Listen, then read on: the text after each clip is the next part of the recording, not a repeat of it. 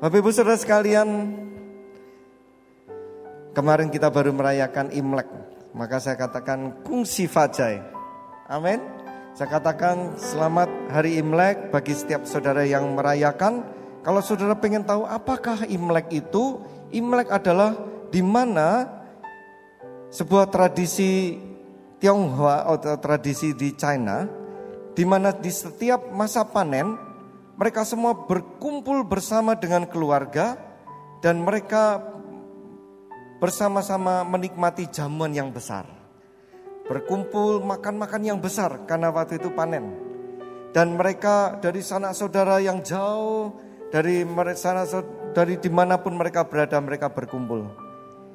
Dan kemudian pada waktu mereka berkumpul mereka bersama-sama membagi kasih. Yang yang tua memberikan angpau kepada anak-anaknya yang masih kecil atau anak-anaknya yang belum menikah. Tetapi anak-anaknya yang sudah menikah pada waktu Imlek mereka menghampiri orang tua dan kemudian mereka juga memberikan angpau sebagai tanda terima kasih atas semua kasih yang telah diberikan oleh orang tuanya.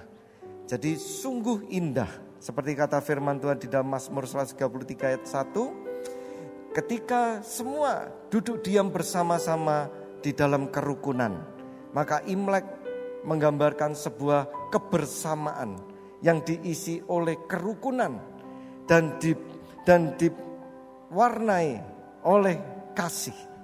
Jadi bukan cuma angponya saja saudara. Nah maka kita terus memperingati hari Imlek itu sebagai momen untuk kebersamaan bersama dengan keluarga. Nah, saudara, pagi hari ini saya rindu untuk bersama-sama kita melanjutkan. Ini apa output yang di luar yang terlalu keras ya? Saya rindu bersama-sama saudara untuk kita mempersiapkan hati. Kita akan lanjutkan kembali tentang pengertian kita dan tentang kasih yang mengubahkan. Apabila minggu lalu kita telah belajar bahwa kasih itu berkuasa saudara. Cinta itu punya power untuk apa? Mengubahkan hidup manusia. Maka kita belajar untuk berhati-hati. Jangan sampai kita punya cinta yang salah. Tapi milikilah kasihnya Allah. Cinta mempunyai kemampuan atau kuasa untuk mengubahkan. Dia mengubahkan dan mentransformasi hidup kita maka hati-hati. Nah, pagi hari ini saudara, saya rindu untuk kita bersama-sama untuk belajar tentang the act of transformational love atau sebuah perbuatan kasih Allah yang mengubahkan hidup kita. Next slide. Saudara, kasih yang mengubahkan adalah kasih yang disertai dengan perbuatan dan kebenaran dari Tuhan. Banyak sekali orang bilang kasih-kasih. Bahkan hari ini orang memberi-memberi. Tetapi saudara, sebuah kasih kalau berhenti di mulut tidak akan dapat menjadi berkat. Tidak akan dapat mengubahkan hidup orang. Oleh karena itu kasih harus disertai perbuatan dan kebenaran dari Tuhan. Itu barulah kasih yang mengubahkan. Ada nggak kasih yang tidak benar? Ada. Kasih yang seperti itu dapat mengubahkan nggak? Enggak, saudara. Oleh karena itu kita akan belajar bersama-sama next slide selanjutnya. Ada perbedaan antara cinta manusia dengan cintanya Allah saudara. Firman Tuhan berkata yang ada di dalam 2 Timotius 3 ayat yang ke 1 sampai ayat yang kedua. Saudara bisa membaca nggak ya? Cukup jelas ya.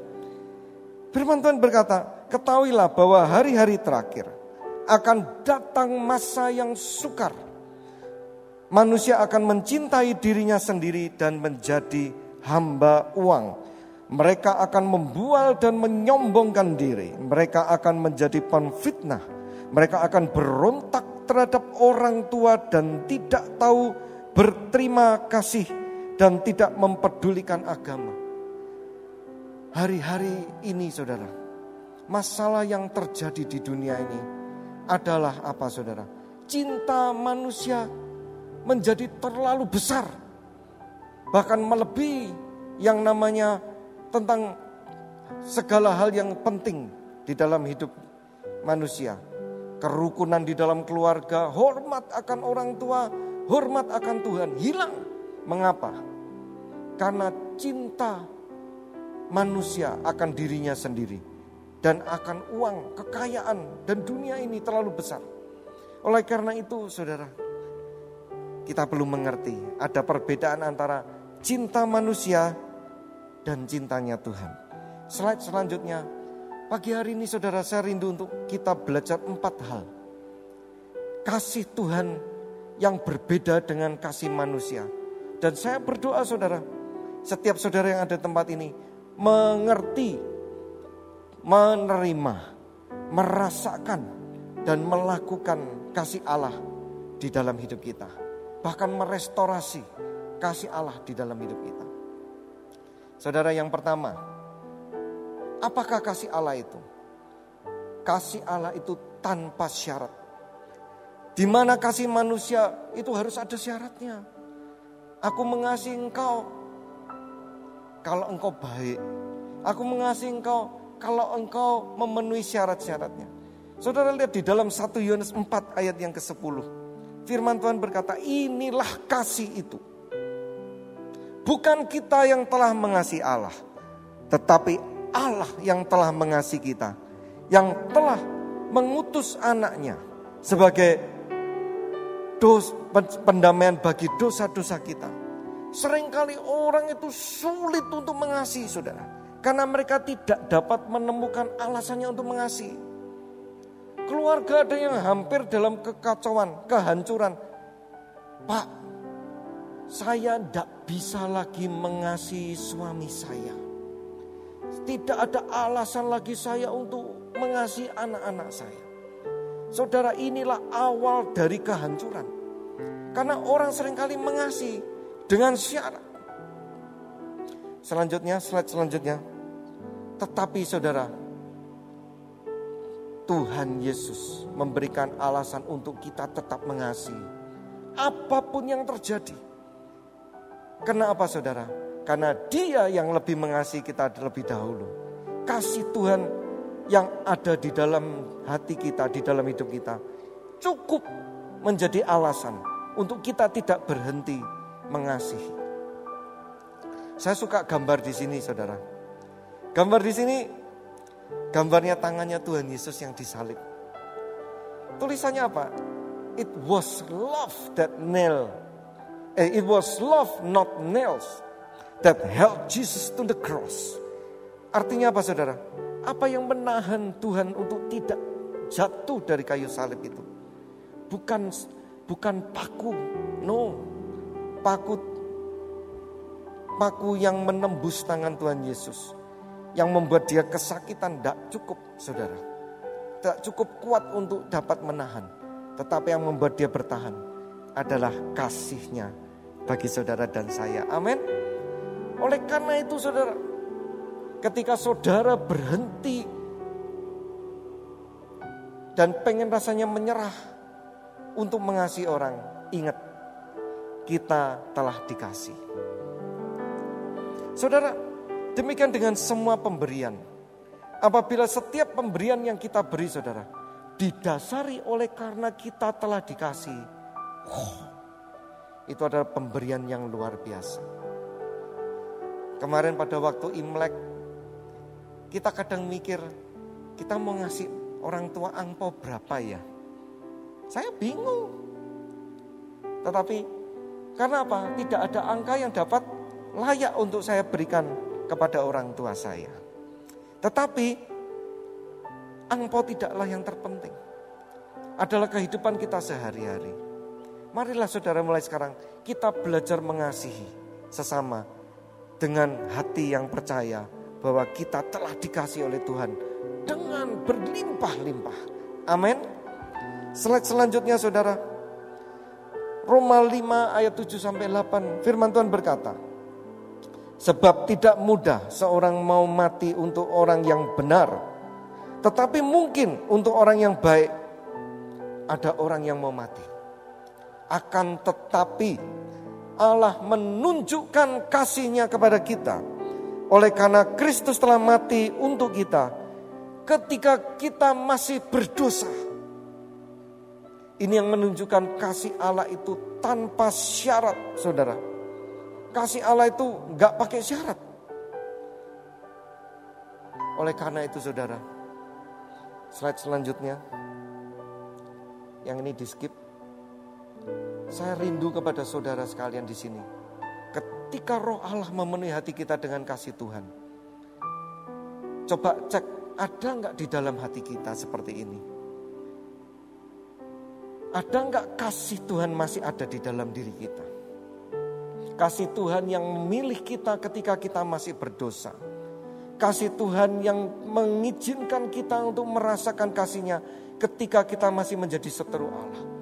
Saya mau berikan sesuatu saudara. Ciri-cirinya kita tahu kalau kasih itu ada di dalam diri kita. Kasih Allah menjadi nyata ketika hati kita tergerak untuk membalas cinta kasih Tuhan. Hari-hari ini ada nggak di dalam diri kita untuk membalas cinta kasih Tuhan? Saya mau tegur, saya mau sentuh hati saudara. Hari-hari ini masih ada enggak di dalam hati kita untuk membalas cinta kasih Tuhan? Ataukah kita masih hitung-hitungan sama Tuhan? Saya minta saudara bertobat karena Tuhan telah mengasihi kita tanpa syarat. Dia masih mengasihi kita pada waktu kita berdosa. Apabila hari ini kita boleh duduk di tempat ini, memuji nama Tuhan, mendengarkan firman Tuhan, bahkan merasakan hadiratnya. Bukan karena kita hebat saudara, tetapi kasih Tuhan yang tanpa syarat ada di dalam diri kita. Amin. Maka inilah yang berbeda. Yang pertama, manusia kasihnya pakai syarat. Tuhan kasihnya nggak pakai syarat. Maka kasih Tuhan mengubahkan hidup kita. Yang kedua, kasih Tuhan itu benar dan berkuasa. Saudara, firman Tuhan dikatakan barang siapa ku kasih, ya ku tegur dan ku hajar.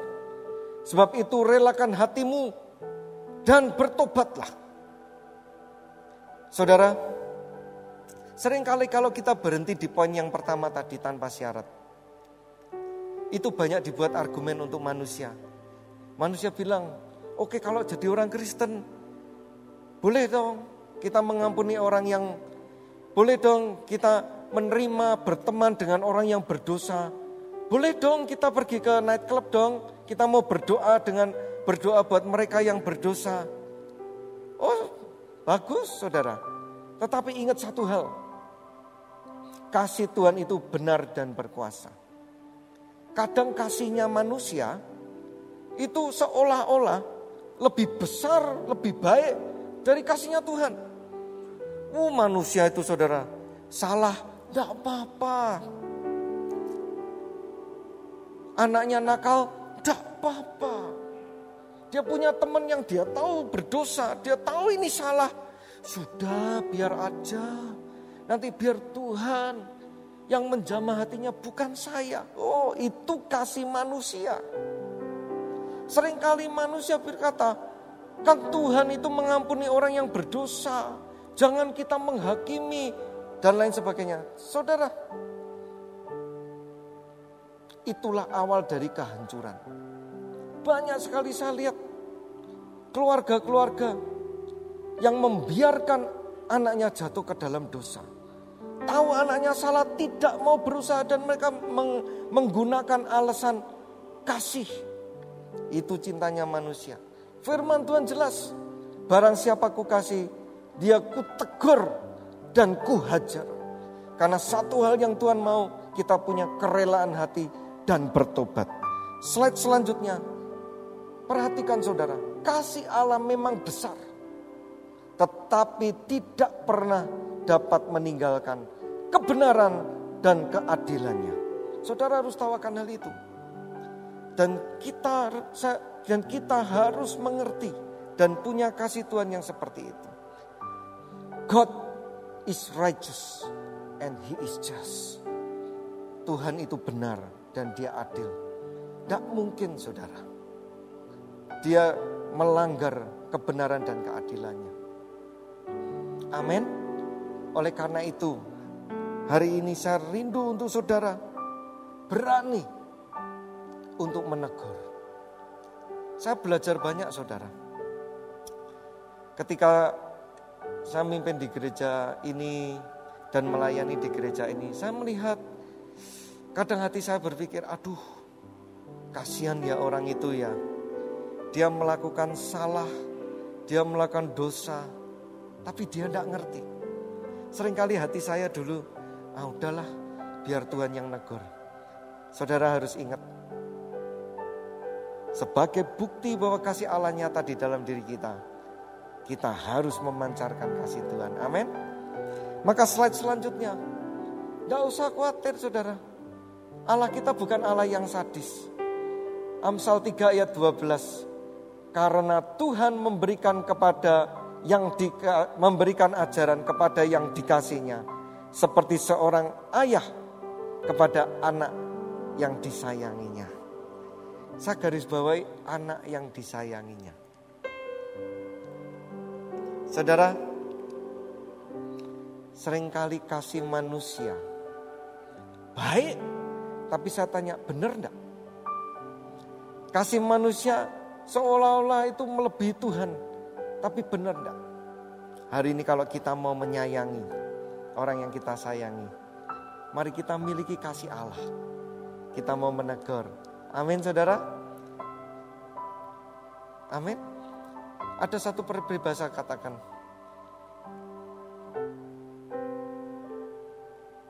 Punyailah teman yang mau menegur kita ketika kita salah.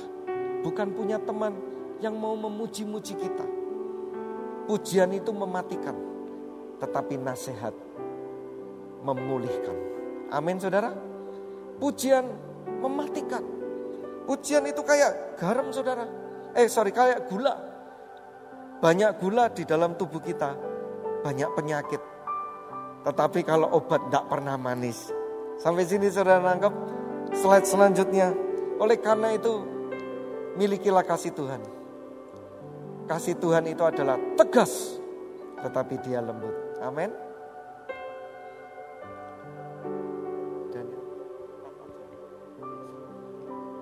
Oke, selanjutnya yang ketiga. Saudara, apa yang membedakan kasih Tuhan dengan kasih manusia? Kasih Tuhan adalah rela berkorban.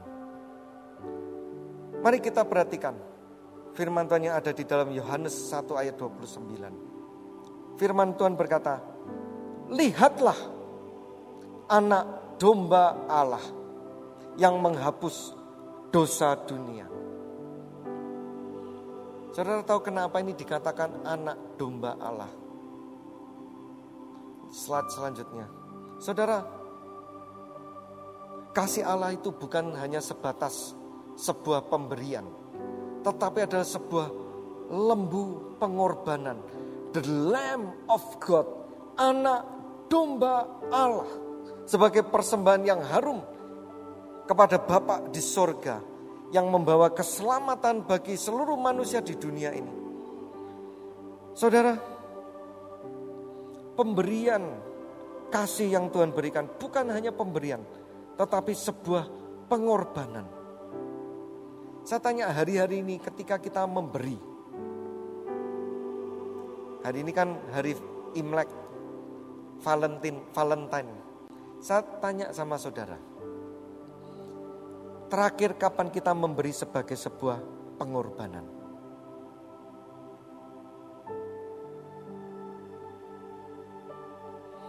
Bagi orang, bagi anak-anak muda, pemberian kita kepada orang tua bukan ketika orang tua kita baik sama kita.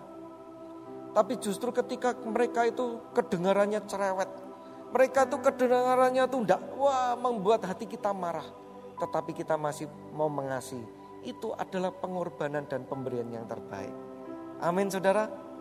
Pemberian kepada, terbaik kepada istri atau suami. Bukan emas, bukan perhiasan saudara.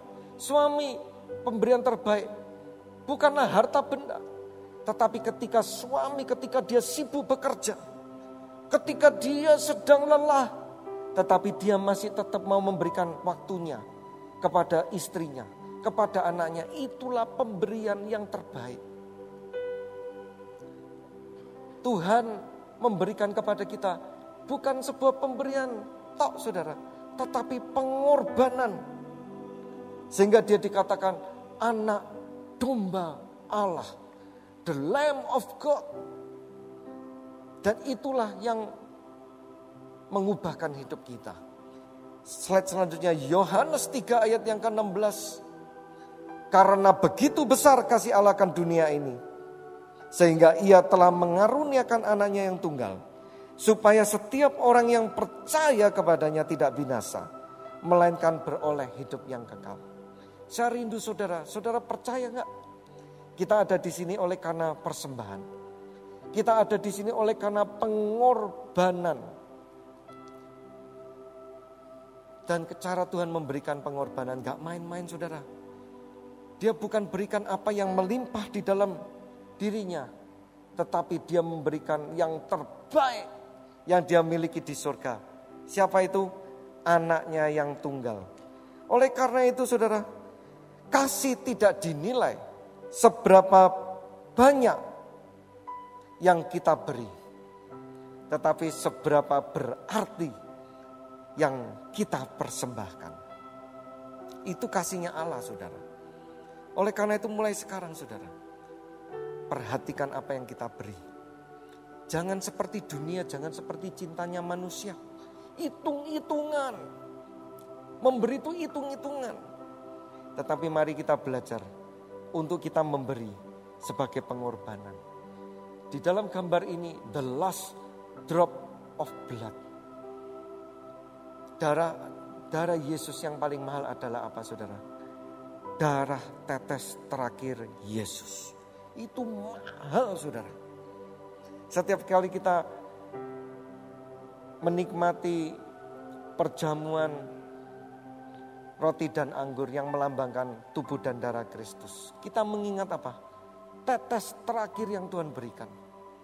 Di atas kayu salibnya saudara Tuhan bukan cuma memberikan darah yang menet, yang mengalir. Tetapi yang dia berikan adalah tetes darah yang terakhir. Saudara bisa nggak kita melakukan seperti itu?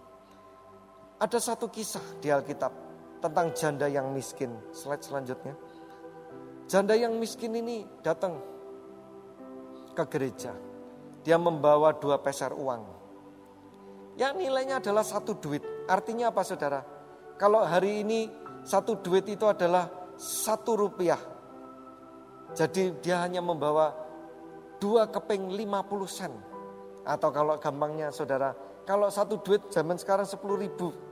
Dia cuma bawa apa? Dua lembar lima ribu rupiah. Dia datang ke gereja, dia berikan.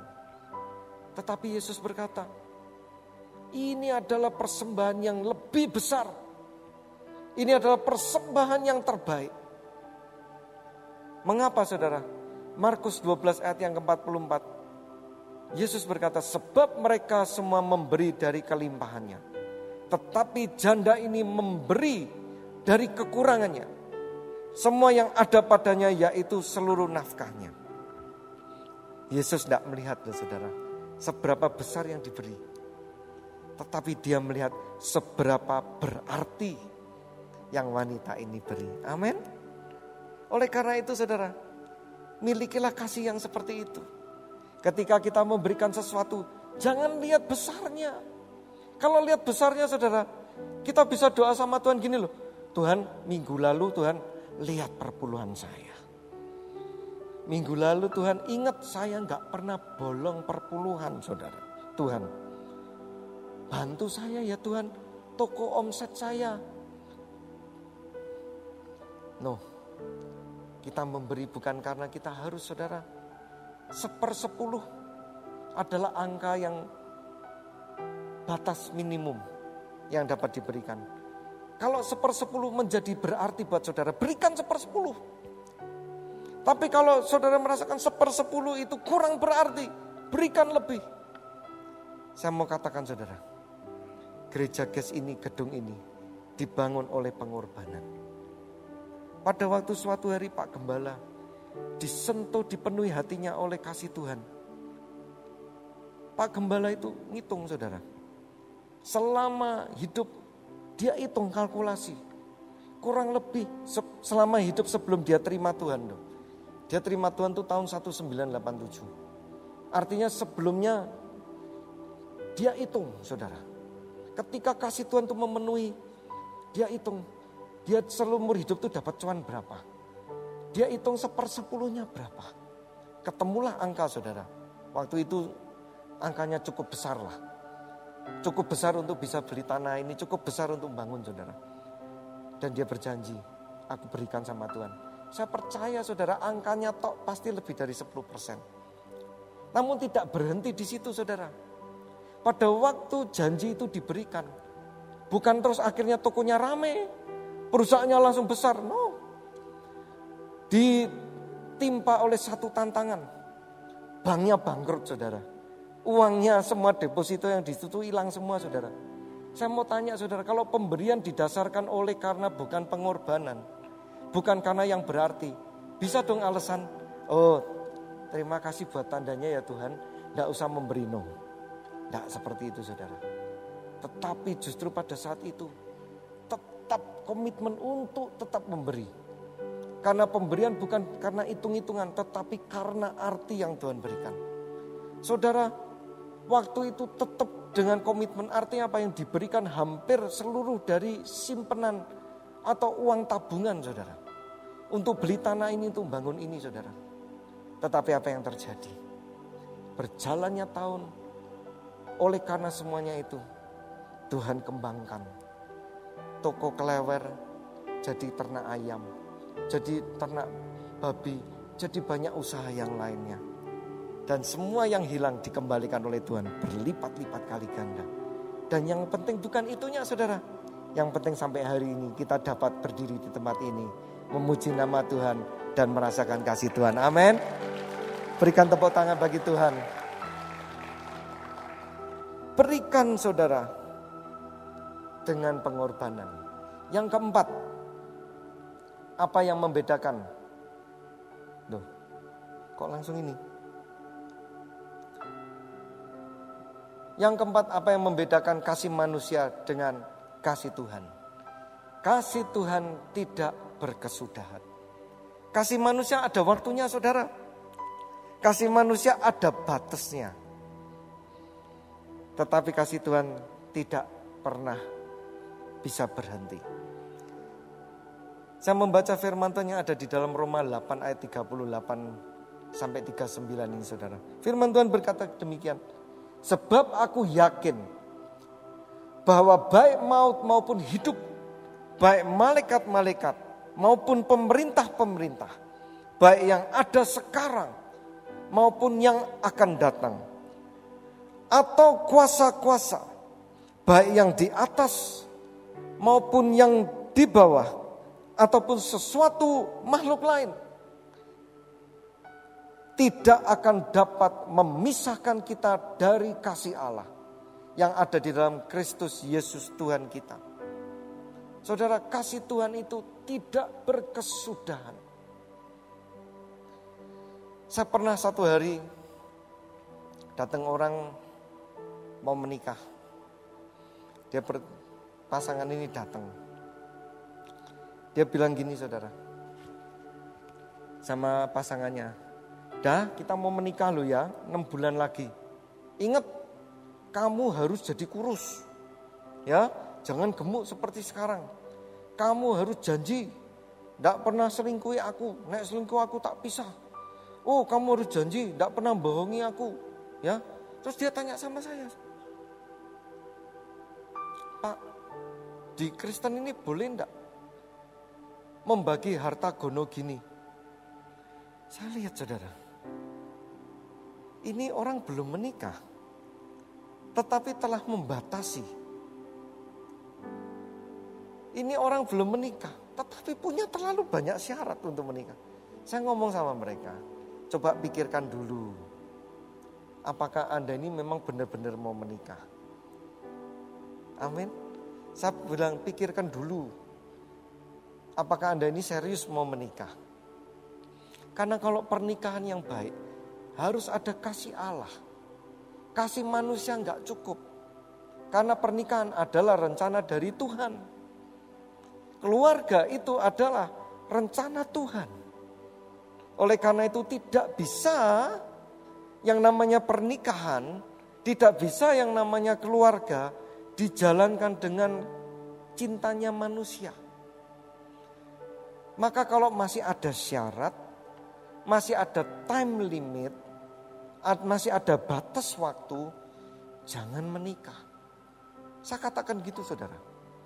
Karena satu hal yang saya tahu, kasih Tuhan tidak pernah berkesudahan. Slide selanjutnya. We can never be good enough to earn God's favor. But we can never be bad enough to stop him from loving us. Artinya apa saudara? Kita tidak akan pernah. Slide selanjutnya. Kita tidak akan pernah menjadi cukup baik untuk layak menerima kasih Tuhan. Tetapi saudara, kita tidak akan pernah menjadi terlalu buruk untuk menghentikan kasih Tuhan kepada kita. Sampai sini saudara ngerti? That is our God. Itulah Tuhan kita. Amin saudara. Tidak ada yang kita lakukan yang dapat kita bilang, aku layak untuk menerima mujizat Tuhan. Aku layak untuk menerima janji Tuhan. Tidak ada perbuatan kita yang cukup baik untuk kita dapat mengatakan seperti itu saudara. Tidak ada perbuatan kita yang cukup baik kita sampai bilang, sampai berani nagih sama Tuhan. Saya mau garis bawah itu saudara. Amin. Karena yang Tuhan berikan kepada kita. Kita tidak pernah cukup layak untuk menerimanya. Tetapi pagi hari ini saya mau katakan sama saudara. Apa pun saat ini kondisi saudara.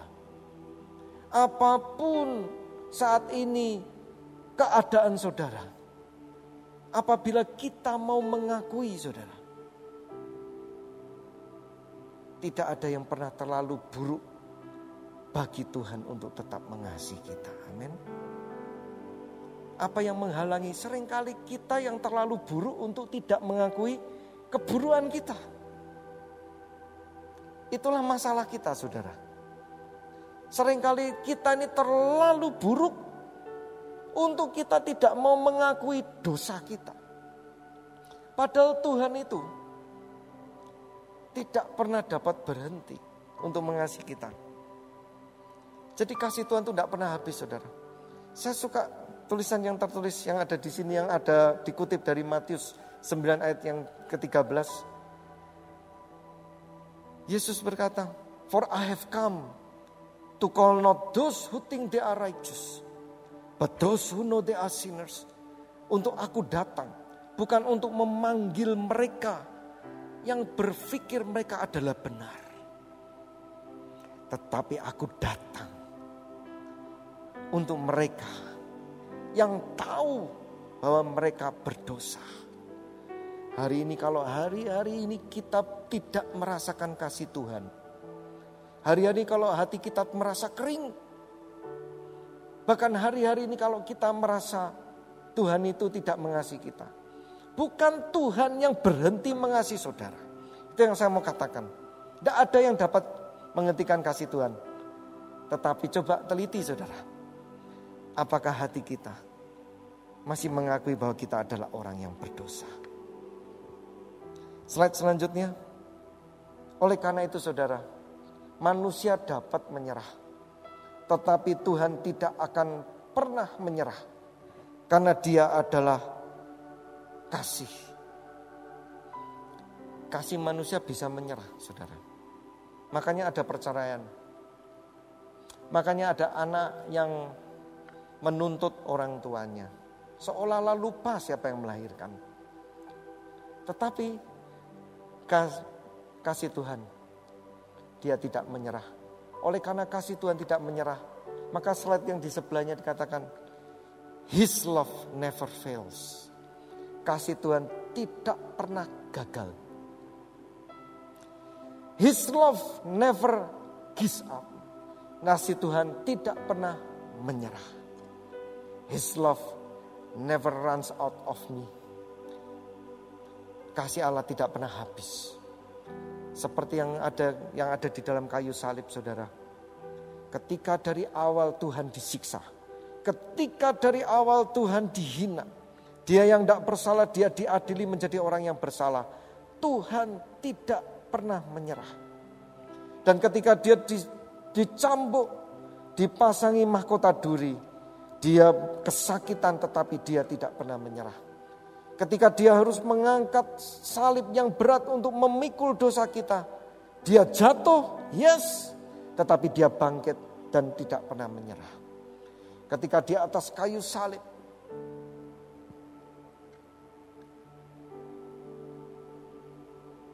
Ketika di atas kayu salib, dia disalibkan. Dia kehabisan darah. Saudara, dunia berkata mati. Tetapi saya katakan pada saudara, dia tidak pernah menyerah. Slide selanjutnya, Jesus stop at the cross. Not because he lost, but he has given everything. Yesus berhenti di atas kayu salib bukan karena dia kalah, tetapi karena dia telah memberikan segalanya. Sebagai penutup saudara, pagi hari ini kita belajar tentang perbuatan kasih Allah. Slide selanjutnya skip satu. Ada empat hal yang kita pelajari saudara.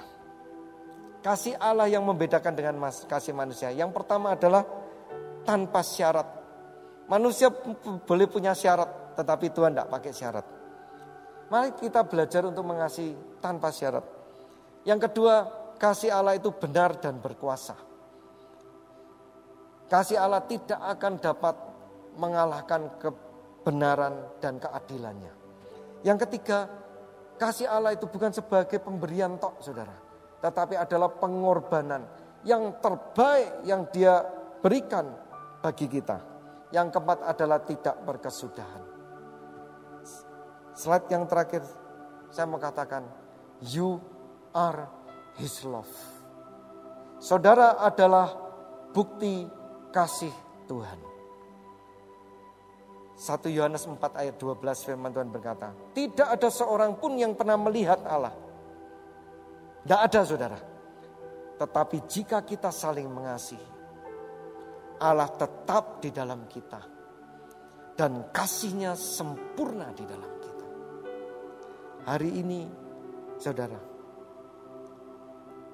di luar sana mereka belum mengenal siapa Yesus. Di dalam keluarga mereka tidak pernah melihat sosok Yesus. Tapi hari ini apabila saudara mau menerima kasih Tuhan di dalam hidupmu. Engkau bukan hanya sebagai penerima.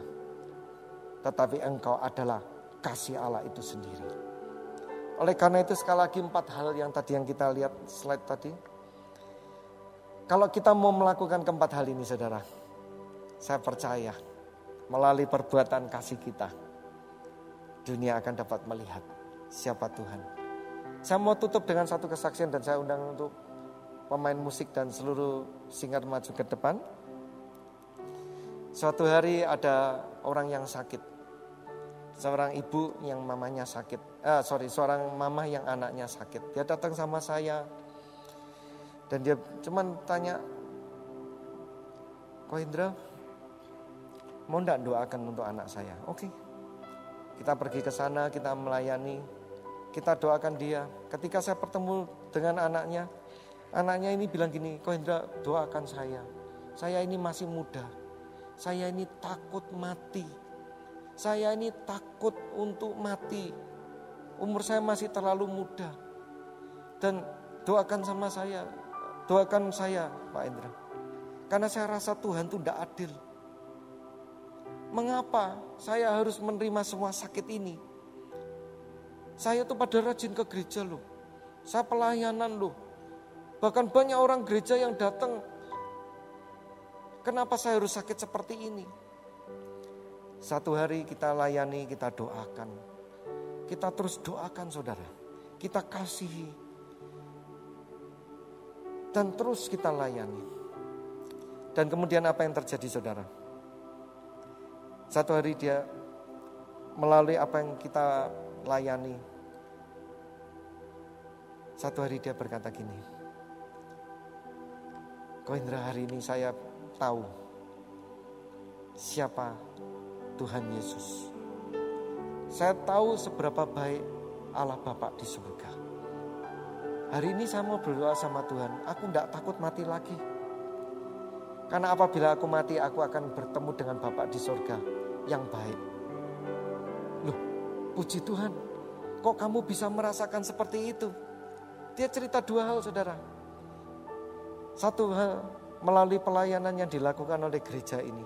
Saya tahu kasih Tuhan itu seperti apa. Saya tahu kasih Tuhan itu seperti apa. Dan oleh karena itu saya tahu Bapak di sorga mempunyai kasih yang bahkan lebih dari itu. Yang kedua apa yang terjadi saudara? Hubungan dia dengan mamahnya dipulihkan. Suatu hari, ya ini cerita pada itu ya. Suatu hari ketika kita mendoakan, Kasih Tuhan itu memenuhi ruangan rumah sakit itu saudara. Dan anak ini datang sama mamahnya.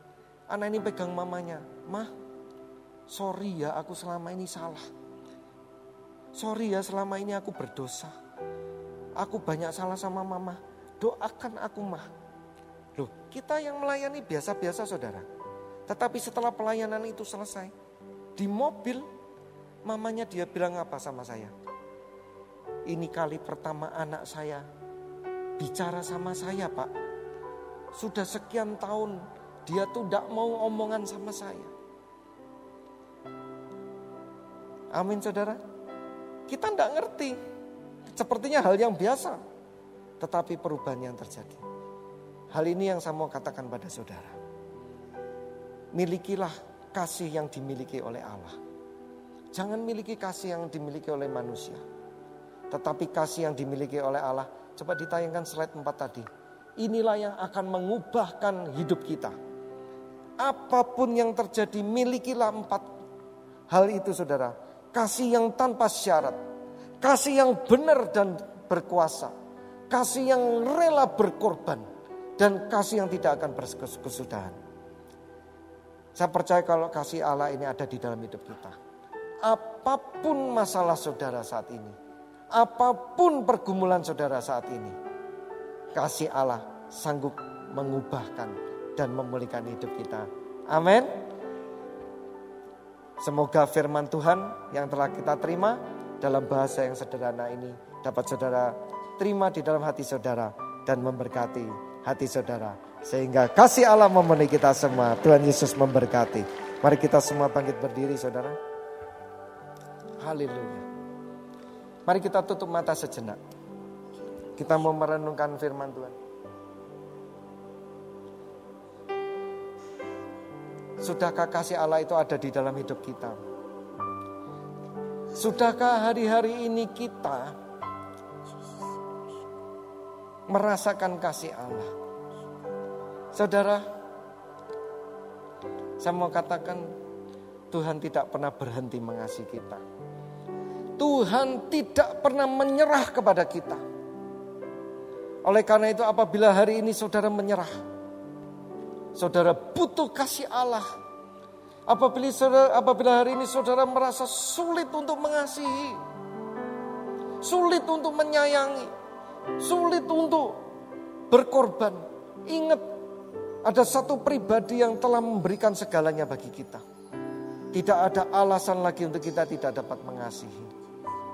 Izinkan kasih Tuhan memenuhi hati kita. Maka pemulihan akan terjadi. Hidup kita pasti akan dipulihkan. Terima kasih Tuhan. Terima kasih atas segala kebaikanmu. Haleluya. Hanya kau Tuhan di hidupku